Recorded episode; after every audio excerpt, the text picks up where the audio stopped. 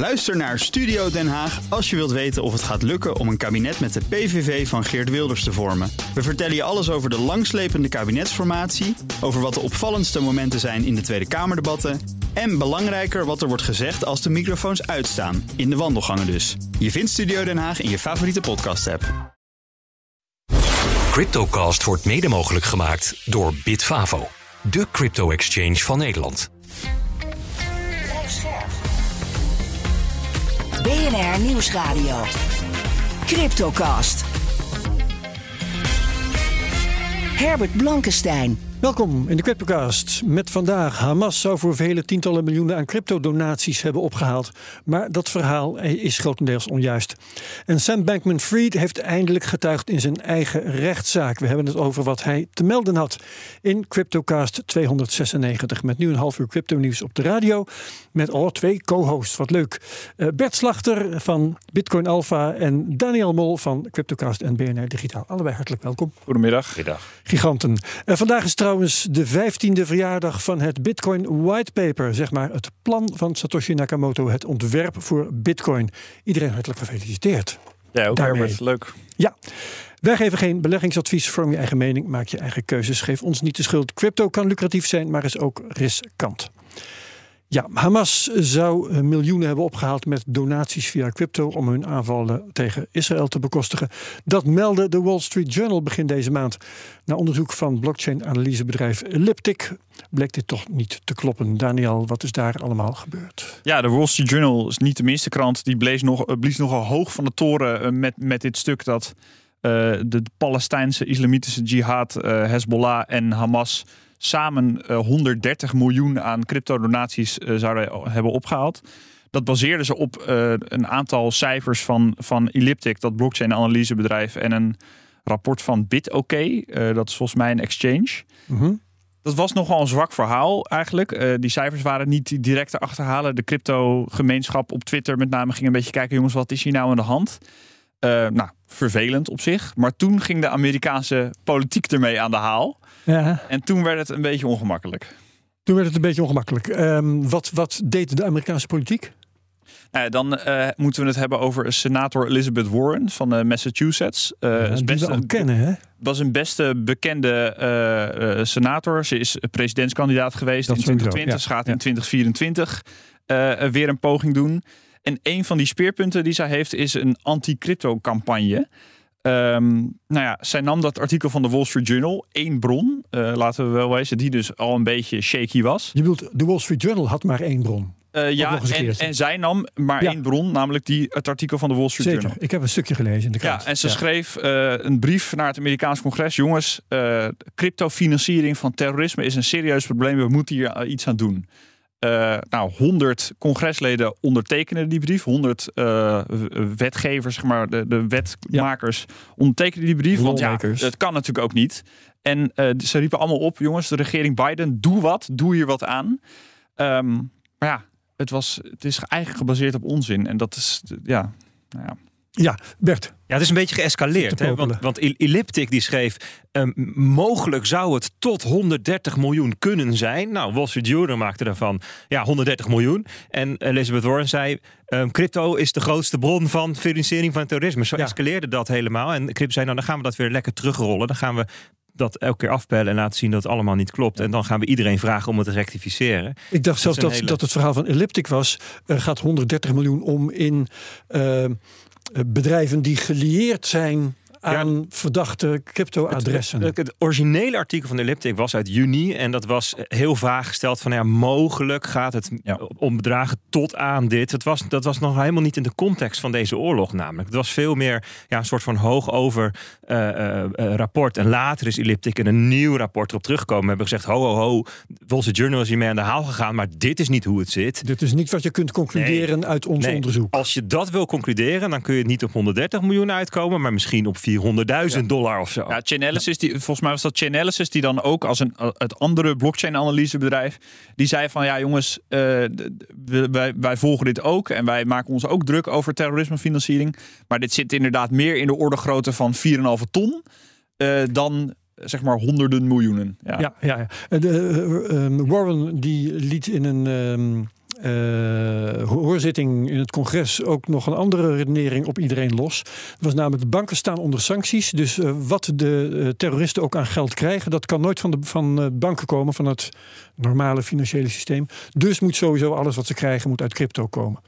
Ja, dat is natuurlijk heel merkwaardig. Hè. Dus de sanctiewet is natuurlijk geen wondermiddel. Hè. In Nederland is dat in de WWFT ehm, eh, van toepassing gebracht op allerlei partijen, banken, van die geldverstuurbedrijven, ehm, ook cryptobedrijven, maar ook makelaars, notarissen, advocaten, autobedrijven, juweliers. Cash werd nog genoemd. En, en, en, en overal gaat wel eens wat mis. Bij banken, daar zien we ook regelmatig natuurlijk dat de banken onder vuur staan, omdat ze het, het, het, het, het toezicht daarop, op het anti-witwassenbeleid niet goed hebben gedaan. En ongetwijfeld ook bij cryptobedrijven. Maar je kunt niet zeggen dat de een staat onder toezicht, dus daar gaat nooit wat mis. Dat is, dat is de eerste ja, hele rare redenering. En tweede is dat ook cryptobedrijven onder dezelfde wet vallen. Dus dat, dat- ja, die redenering die, die, die Ja. raakt Kant nog wel. En ehm, zij zei dat in zo'n hoorzitting. En daar kreeg ze ook stevige kritiek van allerlei andere mensen. Zeiden, joh, wat je nu zegt, ja, dat Ja. slaat echt Het was op. een Heel waren grappig verschillende deskundigen. Ja, een heel grappig moment. In, die, in de Senaat was, eh, was een andere senator, eh, ook een democraat, John Fetterman van Pennsylvania. En die vroeg met, met, met de instelling dat, het, dat hij gelijk had, vroeg hij ja, maar waarom eh, haalt Hamas dan helemaal geen geld op met creditcards en met, met bankrekeningen? En toen zei die expert, die overigens de directeur was van het Israëlische anti-witwasplatform, die zei nou, dat doen ze dus wel. Eh, en ja, en dat is dus ook de grootste focus van, het, van dat Israëlische bedrijf om dat juist te stoppen. En dat crypto eigenlijk maar een klein onderdeel. Ja, ze noemden, dit- ze noemden crypto kruimelwerk. hè? Ja, precies. En het echte groute geldstromen Ja. die gaan via nazistaten zoals Iran. Daar gaat het over miljarden. Dat was ze daar. Die Senator, we zitten hier, we- we hebben het hier over crypto, maar dat is echt inderdaad klein bier vergeleken met traditionele finance. Ja. Ja. Ehm, het, het aantal criminele transacties op de blockchain, daar zijn wel cijfers over trouwens. Hè. Chainalysis eh, en misschien ook wel Elliptic, eh, die doen daar wel eens onderzoek naar. Ja, Chainalysis eh publiceert ieder jaar een heel uitgebreid rapport waar ze dat helemaal hebben geanalyseerd. Voor het meest recente rapport hebben we, dus, hebben we het over cijfers van 2022. En dan komt het neer op 0,24% van alle transacties op de blockchain. Die zijn eh, in verband te brengen met illicit finance, met, met crimineel geld. Maar daar moet je dus rekening bij houden. Dat zit dus ook bij zeg maar, eh, witwasdiensten, zeg ik tussen aanhalingstekens, zoals Tornado Cash, waar je geld kan mixen. Dat is dan illegaal, want dat staat onder sanctie. Ja. Eh, dark markets als Hydra, dat gaat dan over, veelal over drugs. Misschien een klein beetje over wapens, veelal over drugs. Nog een veel kleiner onderdeel daarvan is dat terrorisme financieren, waar we het nu over hebben. Ja, bij, bij het allergrootste gedeelte daarvan, dat zijn gewoon hacks en scams. Dus Ja. mensen waar fraude wordt diefstal. Of belastingontduiking. Dus ehm, zeg maar die 0,24 procent. Daarvan is dan het stukje terrorismefinanciering in de grafiek niet eens zichtbaar. Zo'n klein gedeelte daarvan. Overigens is het wel een ondergrens, hè, want het gaat om eh, adressen dan die Chainalysis kent als eh, ehm, crimineel. Ja. En ze kennen niet alle criminele adressen. Nee, dus wat je ook ziet is dat aan, in februari of zo komt een rapport over het jaar ervoor. In de loop van het jaar wordt het getal wat hoger. Maar even ter vergelijking, het getal van 2021 is nu 0,12 procent. En dat is dus al een aantal keer naar boven toe bijgesteld. Ja, we hebben het nu over eh, hoe het in Amerika gaat en hoe de stemming daar is ook heel eh, ehm, gepolariseerd. Hè. Democraten zijn tegen crypto, republikeinen zijn meestal voor. Bert, weet jij, eh, je zit ook een beetje in de politieke sferen hier in Europa. Weet jij hoe het hier ervoor staat, die verdeling? Ja, hier is het veel genuanceerder. Er wordt er veel genuanceerder naar gekeken. Hè. Men ziet hier de cryptonetwerken als, hè, zoals Bitcoin en Ethereum, als onafhankelijke wereldwijde infrastructuur. Waarop je digitale bezittingen kunt vastleggen en bewaren en overdragen. Een beetje vergelijkbaar met het internet. En dat is dus nuttig voor legitieme partijen en ook voor illegitieme partijen. En die tweede moeten we zoveel mogelijk proberen tegen te houden. Dus er wordt veel meer nuchterder, rationeler gekeken naar: oké, dit is een nieuwe technologie. En die, heeft, die kan ons ongelooflijk veel brengen. Maar kan ook worden misbruikt. En dat misbruik, daar moeten we wat mee doen. En dan op verschillende manieren. Dus we moeten ehm, zorgen dat de geldstromen, dat, we die, dat daar misbruik wordt voorkomen. En dat ook dat de- markt wordt gereguleerd. Hè, dat cryptodienstverleners handelen in het belang van de klant. En dan kom je op de dossiertje FTX bijvoorbeeld terecht. Nou, en Ja. zo hebben ze dat eigenlijk gewoon geanalyseerd en gezegd van nou, daar gaan we dus wetten voor maken. En die, die zijn er dan ook gekomen. Die zijn behoorlijk gebalanceerd. En dus je ziet hier in Europa dat er veel rationeler en genuchterder naar gekeken wordt. In Amerika, daar is helemaal geen wetgeving. En daardoor is het, dit onderwerp ook een soort ja, gepolariseerd, gepolitiseerd geworden. En een soort speelbal geworden van allerlei groeperingen die er zich mee willen profileren. Ja, ja. Eh, Daniel, de Wall Street Journal eh, stond aan de basis van dit hele gebeuren. Ja. Hebben die hun berichtgeving al rechtgezet? Uh, die hebben een, een, kleine rectificatie inderdaad gedaan. Uh, ze hebben het bedrag wat naar beneden bijgesteld. Ze hebben inderdaad gezegd, het, het is nu een bedrag up to 13 miljoen, hebben ze het nu over. Um, en ze hebben een aantal dingetjes in de grafiek hebben ze aangepast, wat woorden aangepast. Dus ze, inderdaad, ze krabbelen een beetje terug soort van rectificatie, misschien moeten we het noemen. Ja, maar niet, niet zo radicaal als eigenlijk had gemoeten. Uh, ik dat, uh, nee, misschien. Kijk, ja, wij zitten hier natuurlijk uh, de, de Wall Street Journal een beetje ter verantwoording te roepen.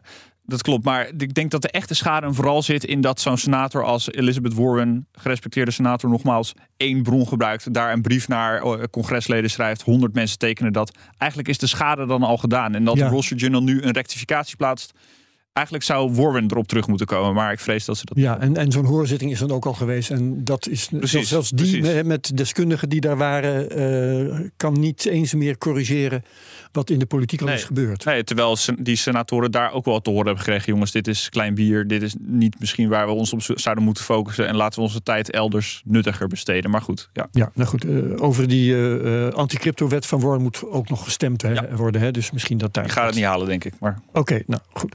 Um, we gaan even naar de prijs kijken, Bert. Uh, de, vorige week hadden we een storm. Uh, de koersen explodeerden. Nu is het alweer een week eigenlijk uh, ja, binnen de 1000 dollar. blijven we daar voorlopig? Is het weer zo'n plateau waar we lang gaan verblijven? Nou, dat denk ik eigenlijk niet. We mhm. zijn uitgebroken uit een prijsbereik waar we zeven maanden in hebben gezeten.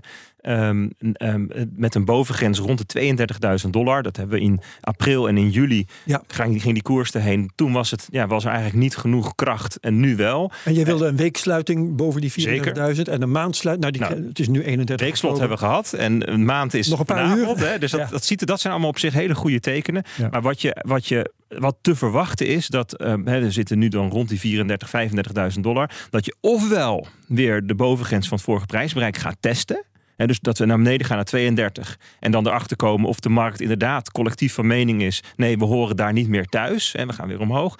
Of dat je naar boven toe, een soort, dat noemen we dan price discovery, dat we met elkaar gaan uitvinden, ja, waar ligt nu het juiste evenwicht tussen vraag en aanbod. Ja. dus dus de, de verwachting is dat we ja, nog eventjes misschien op deze koersen blijven, maar zeker niet uh, de komende zeven maanden weer. Nee, iets uh, bijzonders wat jullie signaleerden in de Bitcoin Alpha van maandag. er is ehm, een recordhoogte in de open interest in Bitcoin. Wat is dat? Ja, open interest, dat, um, dan heb je het over de derivatenmarkten, futures en opties. Er zijn verschillende plekken waar die verhandeld worden. Een stuk of vijf, zes grote marktplaatsen. Een aantal offshore, zoals Deribit, hebben we ook in de CryptoCast wel eens te gast gehad. Um, uh, Binance en OKEx, maar ook traditionele financiële instellingen zoals de CME. De Chicago Mercantile Exchange heeft inmiddels een grote futuresmarkt. En um, de open interest, dat is dan het totaal aan uitstaande contracten. En een hoge open interest, dat betekent dat, dat er veel partijen betrokken zijn bij de markt. Dat er relatief veel geld in omgaat. Dat er, dat is een teken van een levendige markt. Veel dus, futures in omloop. Ja, bijvoorbeeld of veel opties, ja. Eh, openstaande ja, contracten. En wat opvallend is, is dat de open interest ook op CME, hè, dat is die gereguleerde uh, marktplaats, een nieuw record bereikte. Um, en CME staat op het punt om de grootste marktplaats te worden. Ze waren al een tijdje aan het inhalen. En Bezig Binance te overtreffen. Binance te overtreffen. Ze ja, vlak onder nu. En, als en dat zijn allemaal tekenen dat er uh, zeg maar ook uh, interesse is van institutionele partijen. Want bij CME handel je eigenlijk alleen maar als je een professionele handelaar bent. Dat doen geen uh, particulieren. Klopt. Nee. Oké, okay, dus een, een, maat voor, voor de belangstelling. Um, we hebben het uh, vooral over Bitcoin eigenlijk de, in, in dit soort gesprekken. Maar hoe gaat het in deze fase van, van de markt met de andere cryptovaluta eigenlijk? Ja, niet zo heel denderend. Hè. Dat wil zeggen, um, Binance die outperformt. Hè, die doet het uh, gewoon zichtbaar beter dan alle uh, andere crypto assets. En natuurlijk zijn er altijd uitzonderingen. Hè. Het zijn natuurlijk een, een ontzettend grote markt. Uh, je bedoelt Bitcoin of bedoel je? Oh, sorry, ik zei, zei ik, ik bedoel Bitcoin natuurlijk. Ja, ja, ja.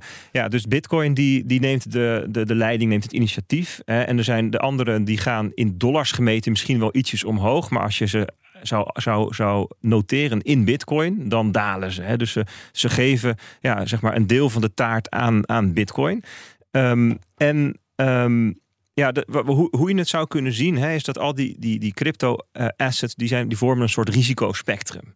En met het meest, nou ja, laten we zeggen, stabiel, hè, meest, meest um, gevestigd. Daar zitten aan die kant zitten Bitcoin en Ethereum. En dan, ja, hoe verder je dat spectrum afloopt, hoe onzekerder of hoe speculatiever of hoe risicovoller die assets worden.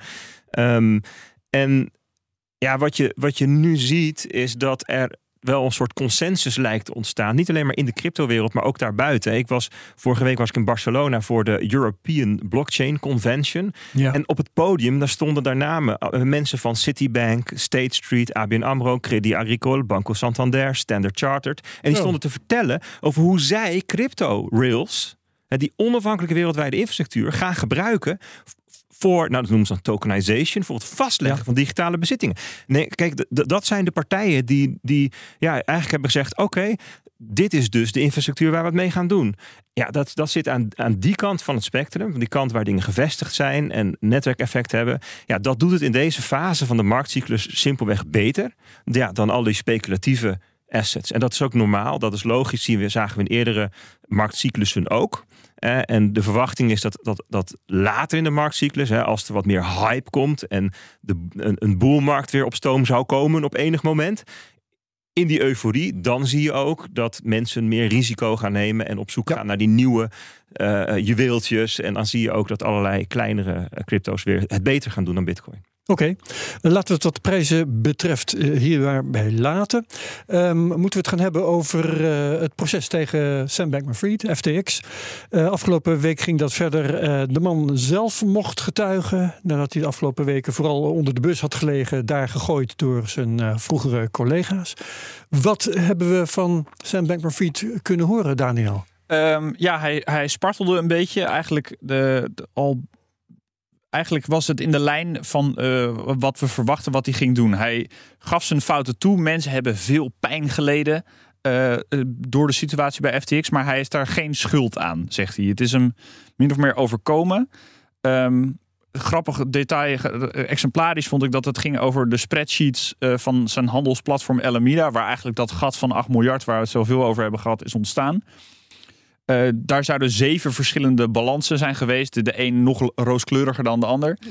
Eh, de Nou, die, die Caroline- had Caroline Allison opgesteld. Kies zijn, maar welke zijn balans je wil. ex-vriendin en de CEO van Alameda ja. Research had hij opgesteld.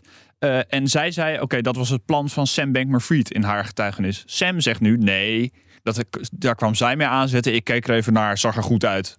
Verder gelaten. En eh, zo ging hij eigenlijk een beetje alle, al zijn ge- getuigenissen langs, al zijn oud-collega's langs. Hij was niet de schuldige, zij hebben het gedaan. Oké, ehm, ja, eh, is er wel iets verrassends gebeurd? Dit is, dit is op zich, zo'n reactie is, is vrij voorspelbaar. Is er nog wat leuks gebeurd? Nou, ja, donderdag was dus de eerste dag dat hij mocht getuigen. Ja. En toen getuigde hij dus zonder jury. Eh, nou, voor, voor ons rechtssysteem, dat is, het werkt allemaal iets anders in Nederland. Eh, maar dat was volgens Amerikaanse media vrij uniek.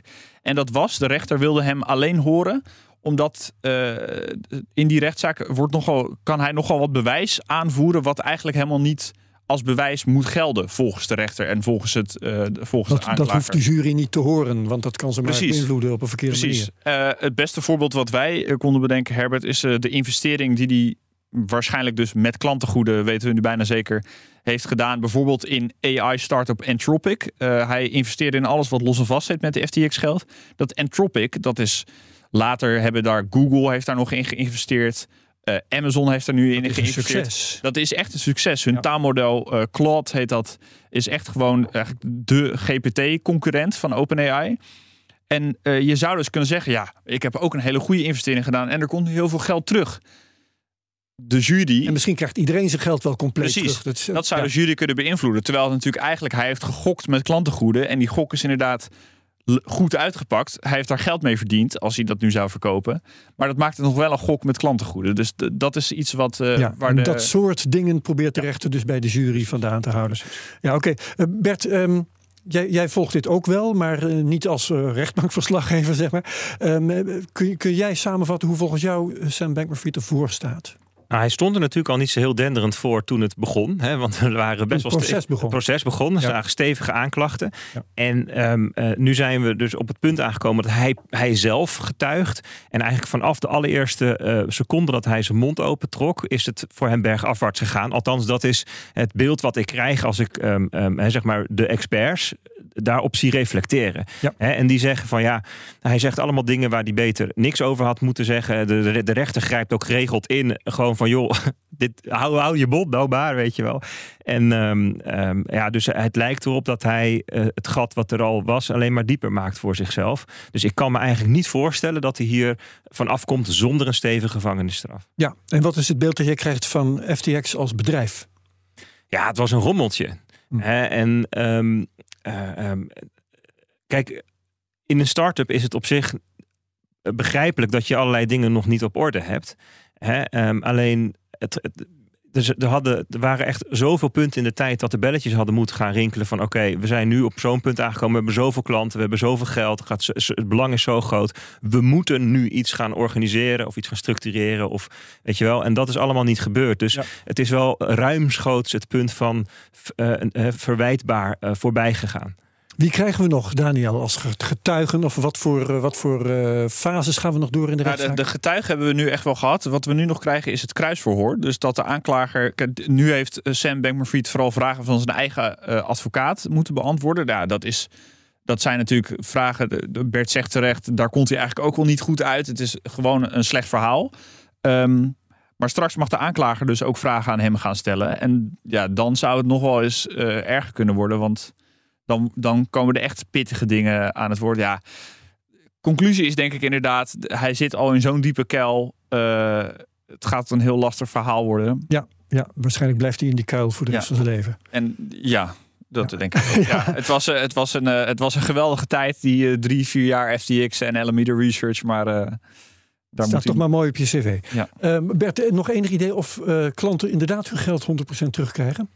Ja, als er inderdaad voldoende eh, assets gevonden worden. Hè, en eh, Daniel noemde net al eh, Anthropic heet het geloof ik, hè, dat bedrijf. Ja, het- dat zou natuurlijk gewoon een soort van toevallige gelukkige meevaller kunnen zijn. Waardoor er uiteindelijk gewoon ruimschoots genoeg geld is om iedereen helemaal schadeloos te stellen. Ja. Alleen, ja, weet je, dat is een kwestie van afwachten. En als dat gebeurt, dan is het niet door het briljante ondernemerschap van Sam Bankman-Fried, maar door puur geluk.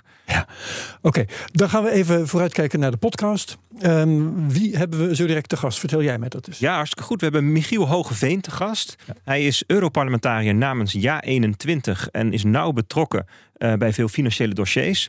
En we gaan het met hem hebben over de digitale euro. Er zijn nogal wat vooroordelen waar hij korte metten mee maakt, maar toch is hij niet enthousiast. En dat is interessant. Op Twitter zei hij namelijk.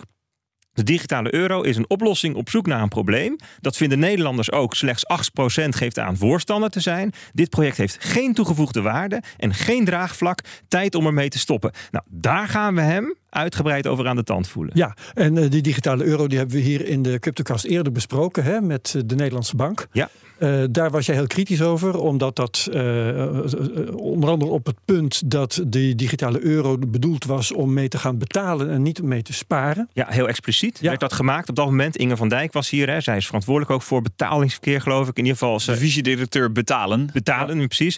En ehm, tot nu toe was het elke keer nog een soort van impliciet. Hè, dat die oppotfunctie, hè, het, het, het veilig sparen, hè, de, de kluis die eh, in het verleden door de Nederlandse politiek in ieder geval als opdracht is meegegeven, dat dat helemaal van tafel was. En zij maakte dat expliciet. Zei, nee, laat, daar, daar winden we geen doekjes om. Het is gewoon een betaalmiddel en verder niks.